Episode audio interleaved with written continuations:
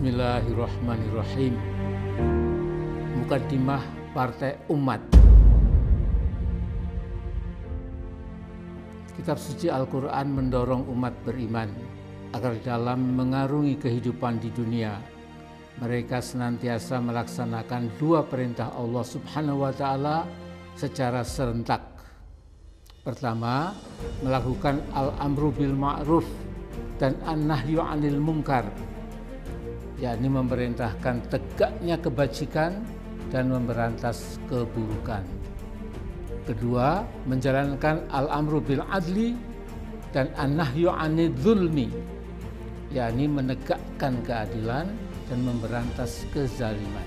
Bila yang pertama bergerak lebih pada tataran personal, familial dan komunal level mikro, maka yang kedua bergerak lebih pada tataran nasional level makro dan berkaitan erat dengan masalah kekuasaan.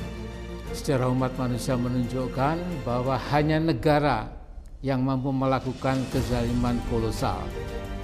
Tapi sebaliknya pula hanya negara yang dapat menegakkan keadilan secara merata.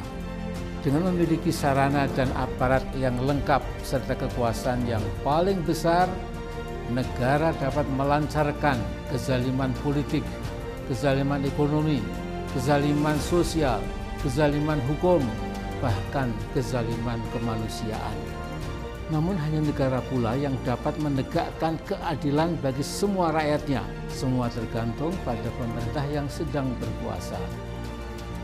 Sedang membela kepentingan rakyat dan umat atau sebaliknya sedang membela kepentingan konglomerat, dan korporatokrat. Pada akhirnya, segolongan umat manusia harus berikhtiar untuk menegakkan keadilan sekaligus melawan kezaliman secara sistematik lewat perjuangan politik. Partai Umat insya Allah bertekad akan bekerja dan berjuang bersama anak bangsa lainnya melawan kezaliman dan menegakkan keadilan. Partai Umat akan bekerja dan berjuang memegang teguh Pancasila, UUD 1945, dan semua aturan demokrasi universal.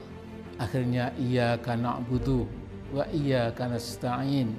Hanya kepada Allah kami menyembah dan hanya kepadanya pula kami mohon pertolongan. Allahu Akbar. Merdeka.